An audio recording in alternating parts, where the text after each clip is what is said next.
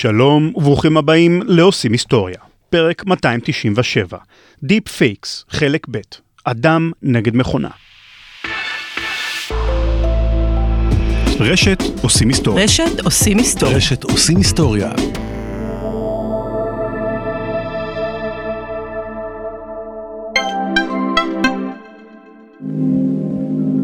אז יש לכם מזרן בחדר השינה, הוא בסדר גמור, אולי קניתם אותו לפני שנתיים שלוש וחבל לקנות מזרן חדש, אבל הוא לא הכי נוח, אולי אפילו עושה לכם קצת כאבי גב. מה עושים? לפנדה יש פתרון מעולה עבורכם. טופר היא שכבת נוחות מוויסקו שאפשר לשים על כל מזרן קיים ולשדרג את חוויית השינה באופן מיידי ובשבריר מעלותו של מזרן רגיל. בקרו באתר של פנדה, פנדה zzz.co.il והזמינו לעצמכם טופר חדש ללא התחייבות. לא אהבתם? יש לכם 30 לילות להתחרט ומשלוחים והחזרות חינם. פנדה zzz.co.il ככה קונים היום מוצרי שינה דרך האינטרנט.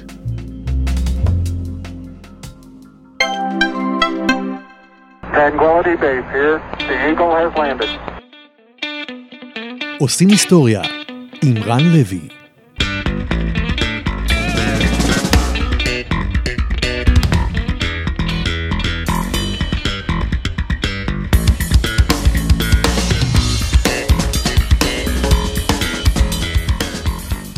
בפרק הקודם הכרנו את גן, טכנולוגיית בינה מלאכותית שפותחה אך לפני חמש שנים בלבד, וכבר מאיימת לחולל מהפכה דרמטית באופן שבו אנחנו יוצרים תוכן במגוון מדיות, מתמונות וסרטונים ועד אודיו וטקסט.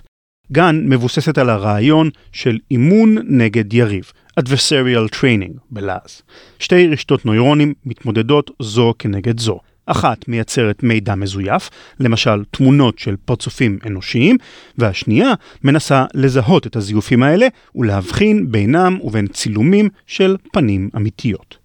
התוצאה המתקבלת היא בינה מלאכותית שמסוגלת להפיק זיופים, מה שפעם היינו מכנים אפקטים מיוחדים והיום קוראים להם Deep Fakes, באיכות חסרת תקדים ובשבריר מהזמן והעלות שהיו נדרשים לצורך כך עד לפני שנים ספורות. בשלהי 2017 החלה הטכנולוגיה הזו, שמקורה באקדמיה, לזלוג אל הציבור הרחב, והתוצאה, הכמעט צפויה מאליה, הייתה מבול של סרטונים פורנוגרפיים, שבהם הוחלפו פניהן של השחקניות המקוריות באלה של גל גדות, סקרלט ג'והנסון ואחרות, וגם סצנות מסרטים רגילים, שבהם הוחלפו השחקנים המקוריים בדמויות אחרות.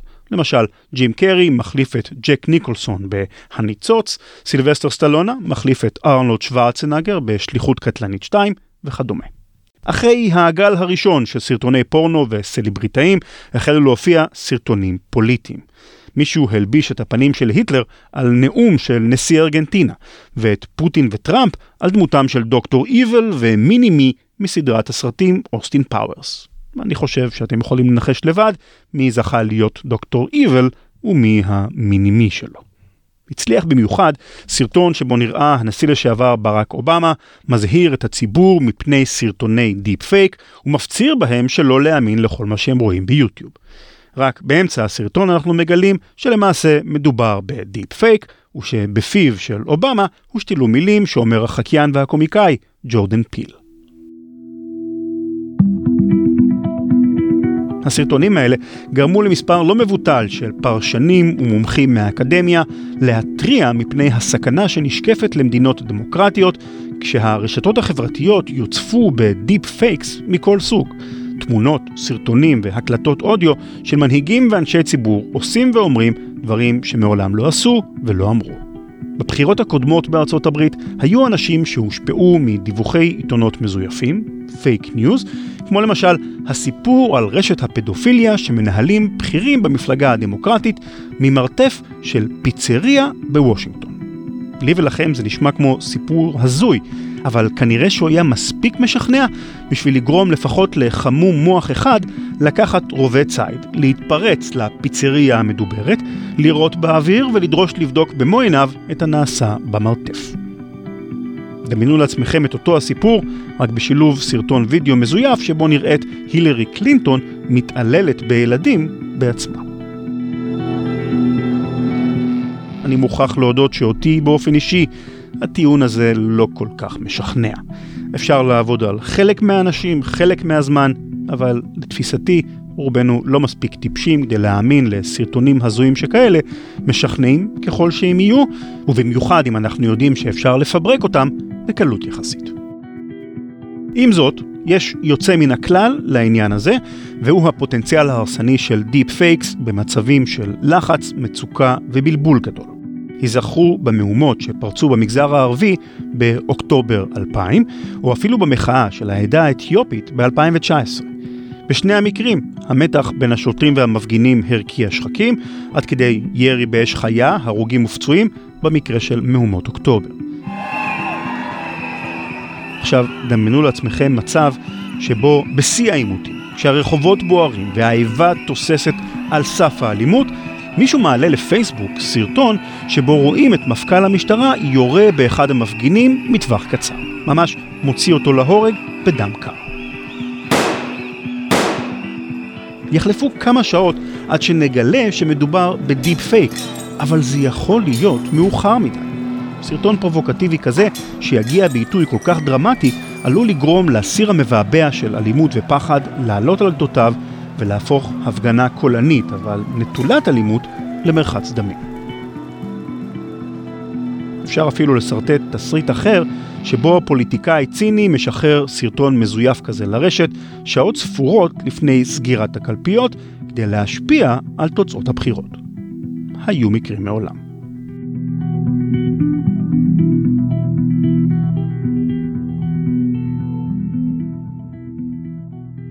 ולבסוף, ישנה גם סכנה נוספת, אולי אפילו חמורה יותר, שנשקפת מדיפ פייקס. כשמדובר בסרטון או תמונה של פוליטיקאי מפורסם, סביר מאוד להניח שזמן קצר אחרי שסרטון כזה יעלה לרשת, כבר יהיו כמה עשרות מומחים שיעוטו עליו, ינתחו אותו מכל זווית אפשרית ויבדקו את מידת האמינות שלו. למרבה הצער, כשמדובר בי ובכם, האנשים הרגילים, אף אחד לא הולך לערוך בדיקה מושקעת כל כך לסרטון כזה. כל מה שצריך כדי להכפיש מישהו באופן שכזה, הוא כמה תמונות או סרטונים שאפשר למצוא בקלות בפייסבוק ובאינסטגרם של כל אחד מאיתנו. למשל, אם אני בעל פיצריה במרכז הכרמל בחיפה, ומישהו רוצה להרוס לי את העסק, כל מה שהוא צריך זה להעלות לרשת סרטון דיפ פייקס, שבו נראים עכברושים וירטואליים מטיילים על השולחנות בלילה. אם האקסית שלי רוצה להתנקם בי אחרי פרידה כואבת, היא יכולה לשחרר הקלטה מזויפת שלי מתוודה על עבירות פדופיליות. ברגע שעדות, במרכאות, מפלילה כזו, עולה לאוויר, נטל ההוכחה שמדובר בזיוף נמצא כעת עליי, הקורבן, וברוב המקרים לקורבנות לא תהיה גישה למומחים שיוכלו להפריך את הזיופים האלה. לזיופים מכפישים שכאלה עשויות להיות השלכות הרסניות על חייהם של אנשים, כמו שאפשר ללמוד מסיפורה של רנה איוב, עיתונאית הודית ממוצא מוסלמי. רנה היא עיתונאית חוקרת ופעילה במיוחד בכל מה שנוגע לאונס ואלימות כלפי נשים, נושא כאוב במיוחד בהודו.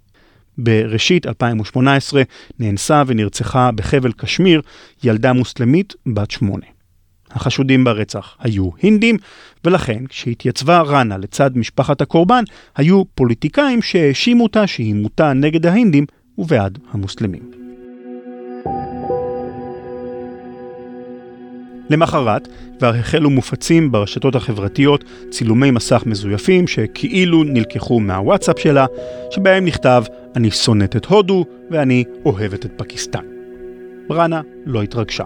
כעיתונאית משופשפת, היא הייתה רגילה לדברים כאלה, אז היא שחררה הודעה בטוויטר שבה היא הבהירה שמדובר בזיוף, והתכוונה להמשיך בחייה. אבל למחרת, כשישבה בבית קפה, החלו לזרום אל הטלפון שלה מאות הודעות בתוך דקות.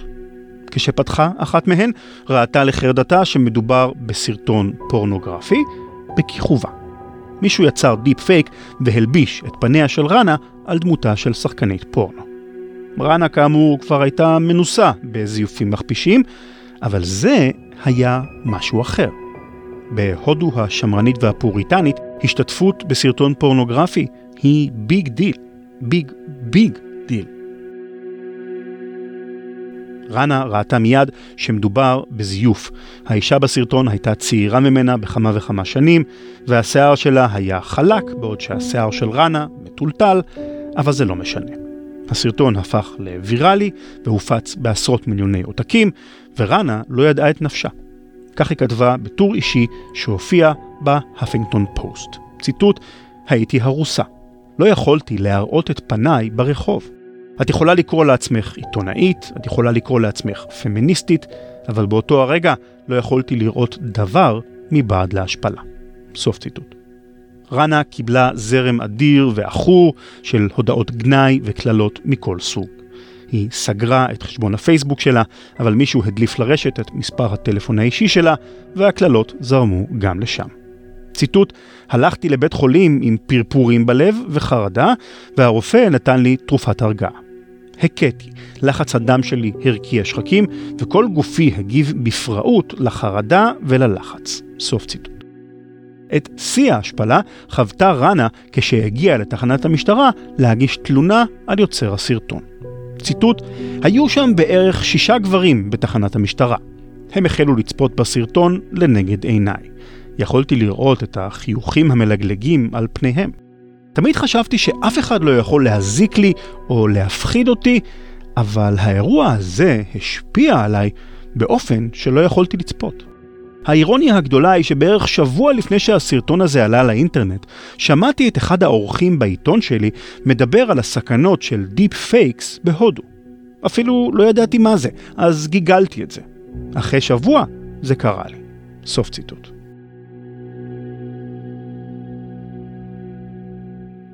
הסכנות הפוטנציאליות שהעליתי מדגימות את הצורך הדחוף למצוא דרך אמינה לזהות זיופים שכאלה, ובשאיפה שיטת זיהוי ממוחשבת ואוטומטית כזו שתאפשר ליוטיוב, פייסבוק ודומותיהן לתייג תמונות וסרטונים כדיפ פייק כבר מהרגע הראשון שהם עולים לרשת. השבוע, בעודי כותב את הפרק הזה ממש, התפרסמו ידיעות לפיהן פייסבוק חשפה רשת של פרופילים מזויפים, שכנראה הופעלה על ידי סוכנים זרים מחוץ לארצות הברית, שדחפה ידיעות חדשותיות שתומכות בדונלד טראמפ. הפרופילים המזויפים האלה עשו שימוש בתמונות פרופיל דיפ פייקס שנראות לעין האנושית משכנעות כמו כל תמונת פרופיל אחרת שתוכלו למצוא ברשת החברתית. איך הצליחו חוקריה של פייסבוק לגלות שמדובר בתמונות פרופיל דיפ פייקס? ובכן, נכון להיום, אפילו הדיפ פייקס המשכנעים והמוצלחים ביותר מכילים שגיאות וטעויות שאני ואתם לא נבחין בהן כנראה, אבל מומחים מיומנים יכולים לגלות. למשל, בתמונות של פרצופים מזויפים אפשר למצוא כמעט תמיד אזורים שבהם האור או השיער מקבלים גוון או טקסטורה לא טבעיים, או עצמים כמו עגילים וטבעות שמופיעים במקומות לא הגיוניים. בסרטונים, מבנה הגוף של השחקן המקורי לא תמיד תואם את מבנה הפנים שהתוכנה מנסה להלביש עליו, והתוצאה היא תפירה גסה ולא מספיק מציאותית בנקודת החיבור בין הפנים הווירטואליות והאמיתיות.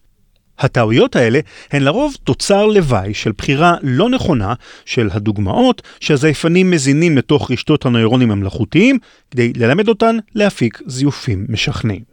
למשל, ביוני 2018 דיווחו מספר חוקרים מאוניברסיטת אלבני בארצות הברית שמצאו דרך לזהות סרטוני דיפ פייק באמצעות בחינת תדירות מצמוץ העיניים של הדמויות בסרטונים.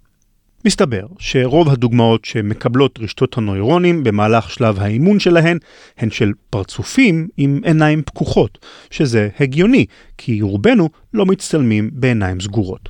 על כן, סרטוני הדיפ פייק שהן מייצרות מכילים מעט מאוד מצמוצים, ולעיתים אפילו ללא מצמוצים כלל.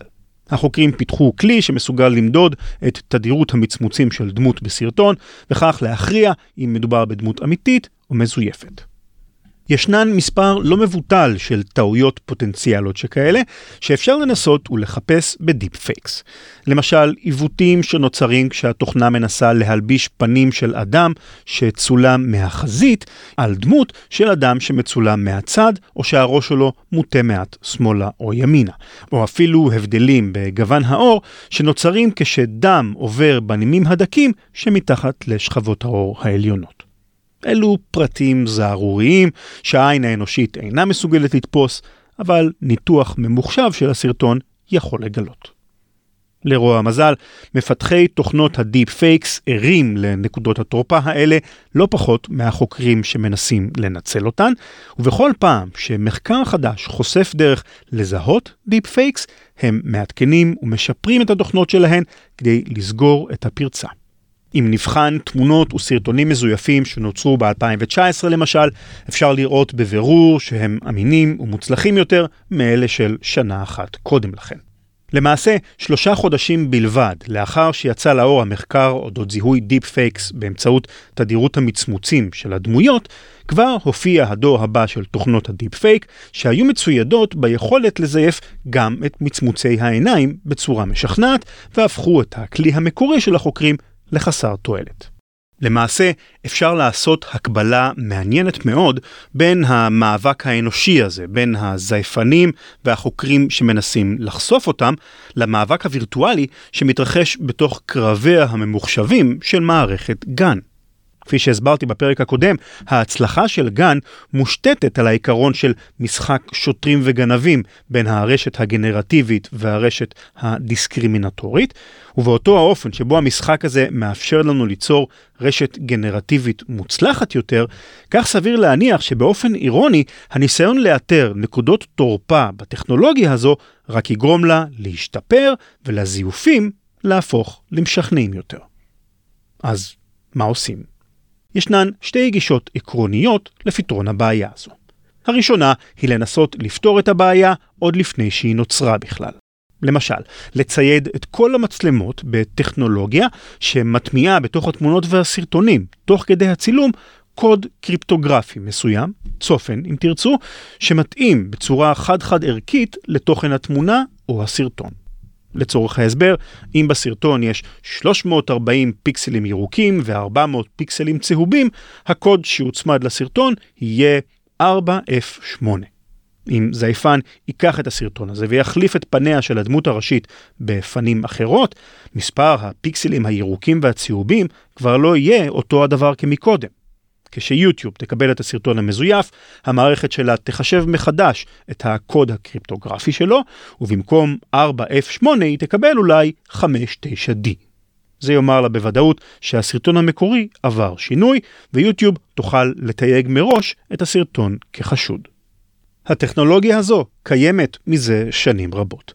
יש לה שם, השינג, והיא משמשת בכל מיני מצבים שבהם אנחנו רוצים לוודא שקובץ מסוים לא עבר שינוי על ידי גורם זדוני כזה או אחר.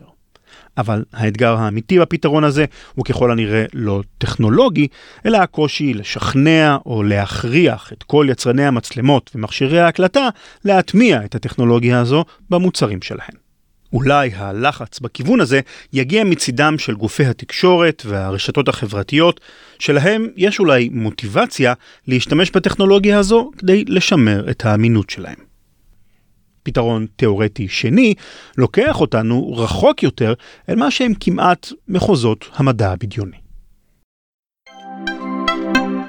שלום, כאן רן לוי, ואני מזמין אתכם להאזין לפודקאסט חדש בשם עושים את המוות, המוגש בחסות עלי שלכת. בית לוויות מודרני העוסק בקבורה אזרחית, שרפת גופות ושירותי לוויה נוספים. הפודקאסט, בהגשת אלון נתיב, מייסד עלי שלכת, מביא לקדמת הבמה את הסיפורים המרתקים ביותר הנוגעים בתחום דרכו האחרונה של אדם, ועוסק בנושאים שנוגעים לכולנו, אבל כולנו מנסים להדחיק. הנה טעימה קטנה מתוך החלק השני בסדרת הפרקים על המתות חסד, אחד הנושאים השנויים ביותר במחלוקת כיום סביב מוות. תפקודים הולכים ויורדים עד שבעצם הנשימה נפסקת. זה רגע מאוד עוצמתי, אני לא יודע לקרוא לו, אני לא יודע להסביר אותו, אמ, רגע מאוד עוצמתי בתפיסתי ברמה הרגשית באותו רגע שאני יודע להרגיש ולשחזר את זה גם עכשיו. אה, אצלי זה בא לידי ביטוי בהתפרצות של איזה בכי מאוד חזק, שכנראה לא היה בימים שלפני או בתקופה שלפני, פה ושם בכיתי, בכי נקרא לזה רגיל של סטנדרטי של, אה, של פרדות, או אולי קצת יותר, אבל שם היו עוצמות ש... אני רוצה להגיד לא הכרתי מאז אבא, אבל זה קצת יותר מורכב, אצל אבא לא ידעתי לבכות, זה לקח שנים אחרי זה שידעתי לבכות על אבא, אבל uh, זה רגע מאוד עוצמתי, לא יודע, מבחינתי זה פעם היחידה בחיים שחוויתי נשמה עוזבת גוף, אם יש דבר כזה, או גוף שמפסיק לחיות, או כל אחד יקרא לזה בדרכו. יש לזה עוצמות סובייקטיביות, אובייקטיביות, אני לא יודע להגיד, אבל מאוד עוצמתי, זה ממש איזה זמן, אני לא יודע להגיד כמה דקות, של לבד להיות שם ולבכות בווליומים אה, משמעותיים, משהו משחרר אולי, משהו, כל אחד יקרא לזה. חפשו את עושים את המוות בכל אפליקציות הפודקאסטים, באפליקציה של עושים היסטוריה ובדף הבית שלנו, ranlevy.com. באוגוסט האחרון, 2019, ביקרתי בכנס אבטחת מידע בשם Black Hat שנערך בלאס וגאס, ופגשתי שם שלושה חוקרים שעובדים בדיוק על הבעיה הזו. אלכס קומרפורד, ג'וני סונדרס וג'ורג' וויליאמס, שהוא גם מוביל המחקר המשותף שלהם. מטרתם של שלושת המדענים היא לזהות deep fakes בתחום האודיו, דהיינו הקלטות קול מזויפות. כיום יש יחסית מעט תוכנות שמסוגלות לזייף באופן משכנע קול של אדם, אבל זה רק מכיוון שזיוף אודיו הוא פחות נוצץ במרכאות ופחות מושך מזיוף סרטונים. טכנולוגיית GAN עצמה מסוגלת להפיק דיבור מזויף באותה הקלות שהיא מסוגלת להפיק תמונות או סרטונים, ו deep fakes כאלה יכולים להיות מסוכנים לדמוקרטיה ולצנעת הפרט לא פחות מכל סרטון או תמונה מזויפים. כפודקאסטר, אני מניח שאתם מבינים מדוע מצאתי את המחקר של שלושת המדענים האלה מעניין במיוחד. אם מישהו ירצה לזייף את הקול שלי, יש לו מאות, אם לא אלפי שעות של הקלטות שלי, כדוגמאות שהוא יכול להזין למערכת גן. ראינו שבסרטונים ותמונות לגן יש עדיין נקודות תורפה מסוימות, כמו הקושי לחכות מצמוצים, נשימות או טקסטורות מסוימות באור. נקודות תורפה כאלה קיימות גם במקרה של דיבור. הנה ג'וני סונדרס. The human voice is a resonant instrument. So what that means is that it produces harmonically related frequencies. So if I'm going to produce frequency 1, I'm going to also produce 2, 4, 8, the harmonic series.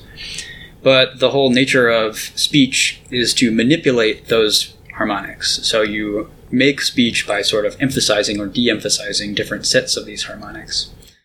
מה שסונדרס אומר הוא שהקולות שמפיקים מיתרי הקול שלנו מורכבים מכמה וכמה תדרים, והתדרים האלה קשורים זה בזה. למשל, אם אני אשמיע את הצליל אה... הצליל הזה עשוי מגל קול בתדר מסוים, למשל אלף הרץ, אבל גם תדרים שהם כפולות של התדר הזה, למשל 2,000 ו-4,000 הרץ, תדרים שמכונים גם הרמוניות של הצליל המקורי. ההרמוניות האלה הן חלק טבעי מהדיבור שלנו, והן הסיבה שהקול האנושי נשמע עשיר ומורכב, לעומת צלילים טהורים במרכאות, שמכילים רק תדר בודד ללא הרמוניות, כמו הצליל הבא ב-1000 הרץ. כשרשת נוירונים מלאכותיים לומדת לחקות קולות אנושיים מתוך דוגמאות, גם היא תפיק קולות מרובי הרמוניות. אבל נכון להיום, הקולות שמפיקות רשתות הנוירונים לא מכילים בדיוק את אותן ההרמוניות ובאותן העוצמות כמו דיבור טבעי.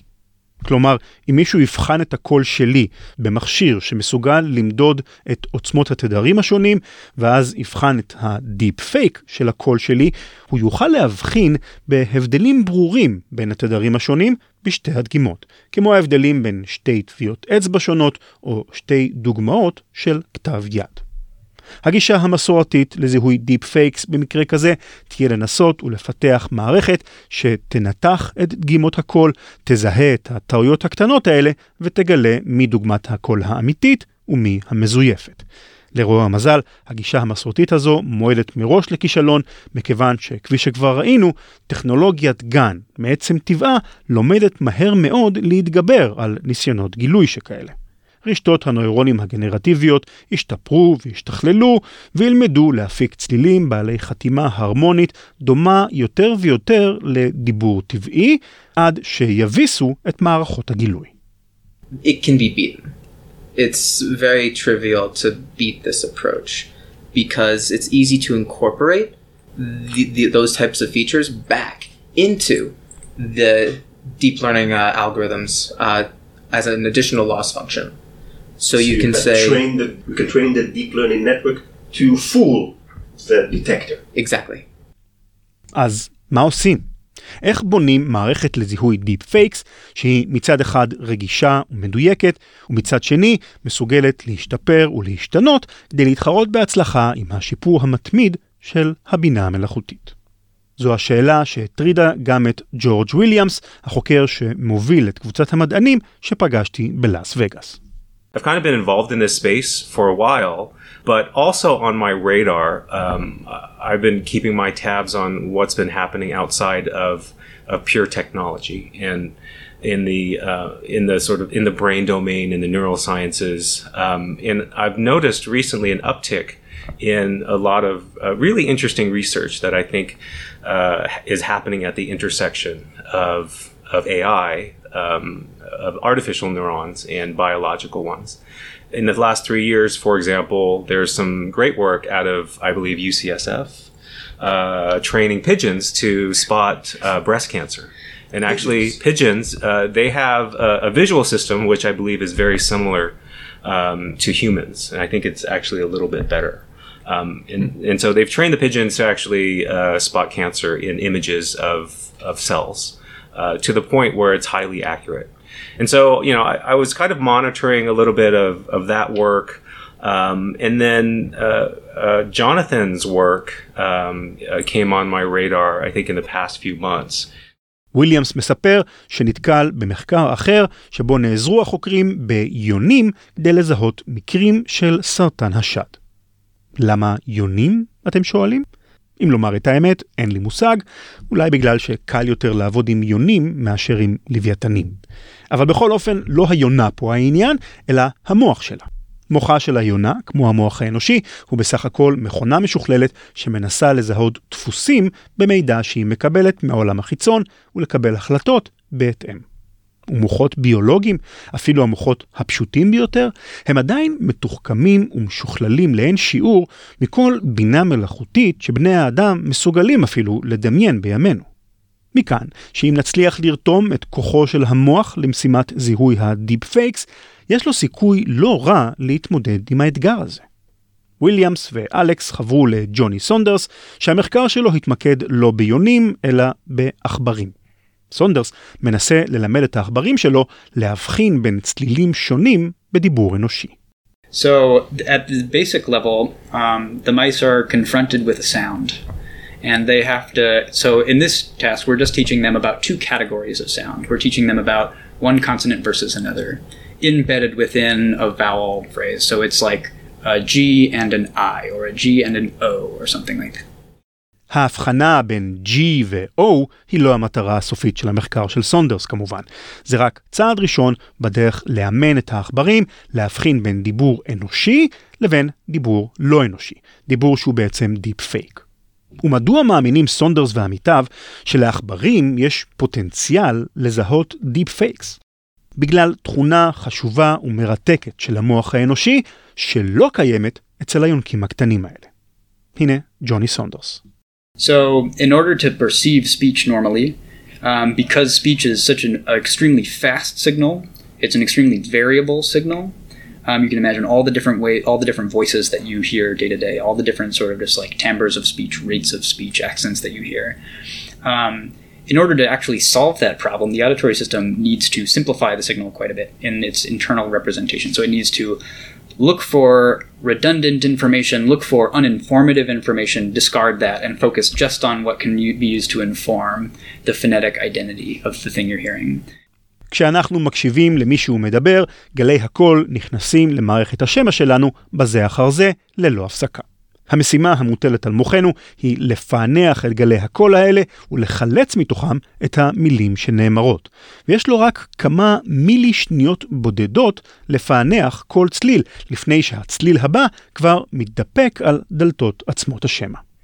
כדי להספיק לפענח את הצלילים, מוחנו פיתח את היכולת השימושית לסנן החוצה מתוך המידע שהוא מקבל את פיסות המידע הלא רלוונטיות, את התדרים שאין להם השפעה אמיתית על התוכן של הדיבור.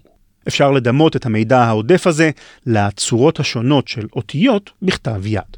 לכל אחד מאיתנו יש כתב יד שונה, אבל כל עוד הכתב שלנו ברור דיו, מוחנו יודע להתעלם מההבדלים הקטנים בצורות האותיות בין כותב לכותב, ולחלץ את המשמעות מהמילים.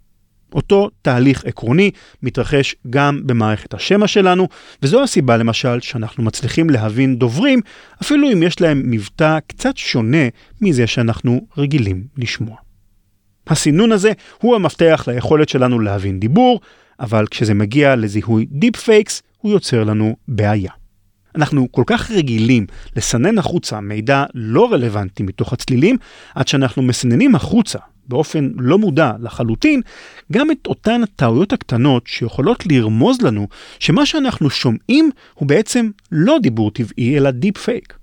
למשל, אם הבינה המלאכותית תפיק בטעות את המילה פלטפורמה במקום פלטפורמה, אנחנו כנראה נתעלם מהשגיאה הזו, כיוון שכך או כך אנחנו נבין באיזו מילה מדובר.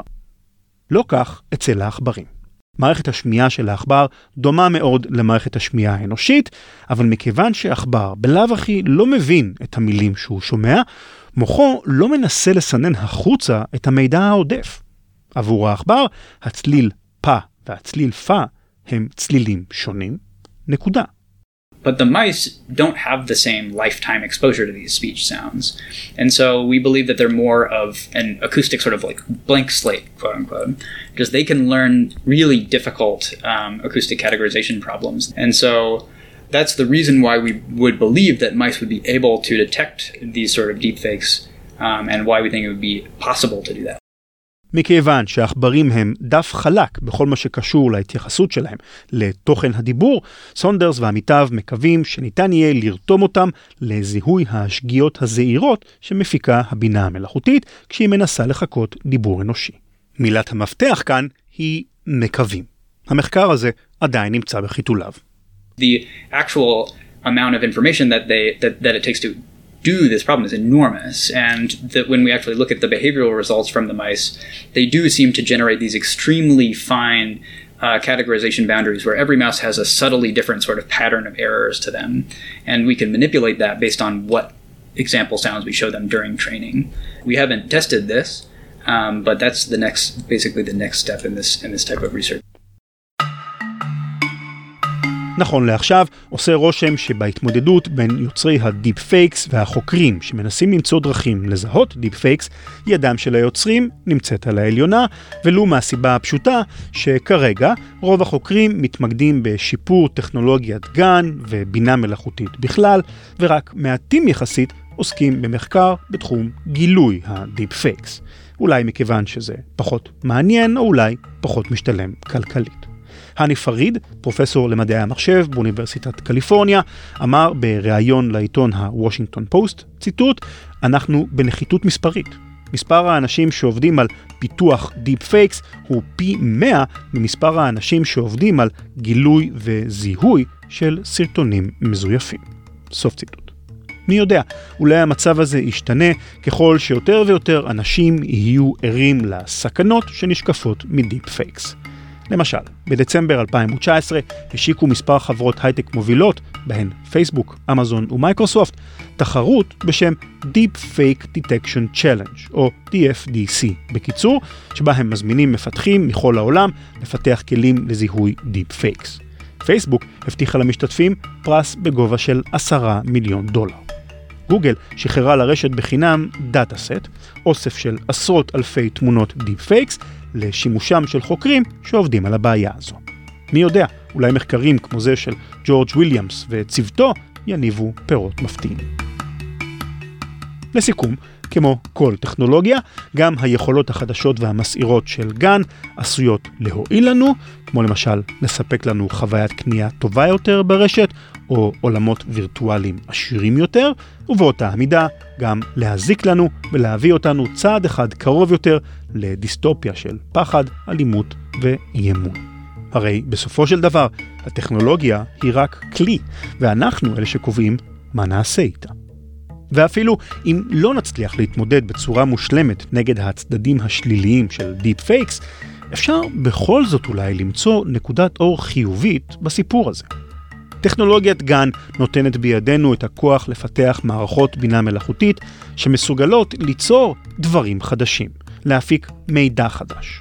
היכולת הזו הייתה עד היום נחלתו הכמעט בלעדית של המין האנושי, ועצם העובדה שפתאום יש בידינו מכונות שמסוגלות לחכות, ולו באופן צר יחסית, את מה שרק המוח שלנו היה מסוגל לעשות עד היום, עשויה להיות תוספת חשובה לארגז הכלים של חוקרי המוח. באותו האופן שבו אנחנו מבינים טוב יותר איך פועל הלב שלנו בעקבות מחקרים שנעשו על משאבות מסוגים שונים, והאופן שבו אנחנו מבינים טוב יותר את התנהגותם של חיידקים בגוף שלנו, בזכות מחקרים שנעשו על תרביות במעבדה, אולי גם גן תיתן לנו כלים חדשים להבין את המכונה המדהימה והמורכבת ביותר המוכרת לנו ביקום כולו, המוח האנושי. הפיזיקאי הגאון ריצ'רד פיינמן היטיב, כמו תמיד, לסכם את הנקודה החשובה הזו, כשאמר What I cannot create, I do not understand. מה שאני לא מסוגל ליצור, אני לא מבין.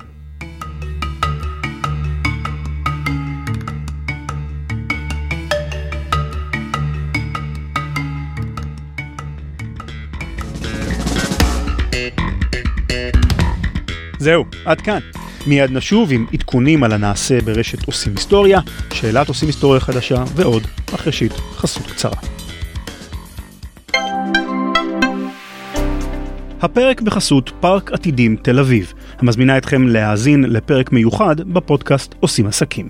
רוצים לדעת איך מתחם נדל"ן יכול לתת יותר מסתם ארבע קירות לעסקים, ואיך יוצרים מודל של אקו-סיסטם, networking וחיי קהילה בסביבות עסקיות מוצלחות? אתם מוזמנים להאזין לפרק מיוחד על פארק עתידים תל אביב, בו מתארחים סגי ניב, מנכ"ל הפארק, וגבי קמינסקי, מנהל CityZone, מעבדת החדשנות לערים חכמות הפועלת בפארק. חפשו את עושים עסקים באפליקציית הפודקאסטים החביבה עליכם ובאתר הבית שלנו, ranlevy.com. השבוע אנחנו נפרדים בצער רב מגיל חובב והפודקאסט שלו אוכל ישראל, שנסגר אחרי כחצי שנה של פעילות ענפה ופרק חדש שעלה כל שבוע. סגירת פודקאסטים היא משהו שלרוע המזל אנחנו חייבים לעשות ברשת שלנו מדי פעם מכל מיני סיבות, וזה אף פעם לא קל. וגם הפעם זו החלטה שנאלצנו לקבל לא בקלות. העבודה עם גיל על התוכנית שלו הייתה תענוג בכמה מישורים. ראשית, מדובר במקצוען ברמה נדירה. בן אדם שמהרגע שהוא פותח את המיקרופון, הסיפורים והמתכונים בוקעים מתוכו כמו מעיין נובע, וזה בלי שהוא מחזיק אפילו פיסת נייר עם outline מול העיניים.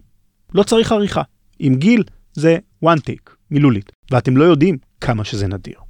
ושנית, וכאן אני אגלה לכם סוד קטן מאחורי הקלעים, בכל פעם שגיל הגיע אלינו לאולפן, הוא היה מביא איתו משהו טעים. איזשהו משהו שהוא הכין בבית, או מאכל מעניין שהוא קנה בדרך. אני והצוות ממש חיכינו לכל יום הקלטה שכזה. אז בשמי, ובשם כל צוות הרשת, ובשמם של מאזיני אוכל ישראל, תודה רבה לגיל חובב על חצי שנה נפלאה, מעשירה וטעימה מאוד. אני מקווה שיצא לנו לעבוד יחד גם בעתיד. מה עוד חדש ברשת עושים היסטוריה? בעושים כותרות, פודקאסט האקטואליה שלנו בשיתוף ynet, עטילה שומפלבי ודוקטור גלעד מלאך מהמכון הישראלי לדמוקרטיה, חושפים את האמת העגומה מאחורי הסיפורים על שילוב החרדים בכלכלה הישראלית. שיעור הגברים החרדים שיוצאים לשוק העבודה מדשדש כבר כמה שנים. איך הכסף שמעבירה המדינה לאברכים מעודד את המשך האבטלה? איך זה משפיע על החברה שלנו, ומה יקרה כשאחוז החרדים בישראל יטפס עוד יותר. בעושים תוכנה, לכתוב קוד בחושך מוחלט. פרק על מפתחים כבדי ראייה ובעלי מוגבלויות אחרות, כמו למשל מוחמד סולימאן, מפתח עיוור, בוגר הטכניון. חן ועמית שוחחו עם מוחמד ועמיתו עופר ברטל על האתגרים שניצבים בפניו כמפתח עיוור ועל העזרים והשיטות שבעזרתם הוא מתגבר עליהם. בעושים תנ"ך, באנו חושך לגרש. הסיפור האמיתי מאחורי חנוכה. האם נס פח השמן באמת קרה? האם המכבים נלחמו בכלל ביוונים? והאם אכן מדובר במלחמת מעטים מול רבים? למה חז"ל ניסו לטשטש את ההיסטוריה סביב החג הזה? יותם שטיינמן וחוקר המקרא שחר ענבר בפרק מיוחד לחנוכה. ואחרון חביב, עושים פוליטיקה, הקם להורגך, השכם להורגו. בנובמבר האחרון חיסלה ישראל את בהא אבו אל-עטה, מפקד החטיבה הצפונית בזרוע הצבאית של ארגון הטרור הג'יהאד האסלאמי הפלסטיני, לאחר כמעט חמש שנים שלא נקטה בפרקטיקה של חיסולים ממוקדים בגזרה הדרומית. אז למה הפוליטיקאים שלנו לא ממהרים להשתמש בשיטה הזו, למרות שהדבר זוכה לפופולריות בציבור? דפנה ליאל מארחת את רונן ברגמן, חבר מערכת הניו יורק טיימס וידיעות אחרונות, ומחבר הספר Rise and Kill First, לשיחה סביב השאלה האם החיסולים הממוקדים משיגים את מטרתם. כל הפודקאסטים של רשת עושים היסטוריה זמינים באפליקציית עושים היסטוריה לאנדרואיד, באתר הבית שלנו, runlevy.com, ובכל אפליקציות הפודקאסטים באשר הן. שאלת עושים היסטוריה להפעם ברוח הפרק הזה, מיהי הבינה המלאכותית החביבה עליכם מכל המחשבים והרובוטים שראינו בסרטים, סדרות ובספרים. למרות שתוכנה אמורה להיות כביכול קרה ומנוכרת, יוצרי המדע הבדיוני הצליחו כמעט תמיד להעניק לבינות המלאכותיות שלהם אופי וסגנון ייחודיים. אולי הדוגמה המוכרת ביותר היא זו של מרווין, הרובוט הדיכאוני מסדרת מדריך הטרמפיסט לגלקסיה, אבל יש עוד לא מעט כאלה. אז מהי הבינה המלאכותית, הרובוטית או הממוחשבת שאתם הכי אהבתם? ספרו לנו בדף או בקבוצת הפייסבוק שלנו. כתמיד, אם אתם אוהבים את התוכנית, מעוניינים לתמוך בה וברשת שלנו, ספרו לחבריכם על הפודקאסטים השונים ועזרו לנו להביא מפרסמים חדשים. הארגון שלכם זקוק לפודקאסט משלו? אנחנו יודעים לעשות את זה יותר טוב מכל אחד אחר, ולא פחות חשוב, אנחנו גם יודעים לשווק את התוכנית החדשה ולהביא אותה לידיעת מאזיני הפודקאסטים בישראל. כל אחד יכול לפתוח את המיקרופון ולעשות פודקאסט לא מוצלח, אבל כדי ליצור רדיו מרתק ואיכותי, כמו למשל עושים את המוות שיצרנו עבור בית הלוויות עלי שלכת, או סיפורים מהניידת שאנחנו עושים למשטרת ישראל, צריך ניסיון ומומחיות. צרו עמי קשר ב-run את runlevy.com או בטופס צור קשר שבאתר, ויחד נעשה את הצעד הראשון שלכם בעולם הפודקאסטים. עושים היסטוריה הם גיא בן נון ואיתמר סוויסה, בעריכה ובהפקה, שרה סילבצקי, מנהלת הקהילות ואחראית על סיפור משפחתי, אביב שם טוב, מנהל המכירות, דני תימור המנהל העסקי, ואני, רן לוי, כותב ומגיש. אנחנו נשתמע בפרק הבא. להתראות.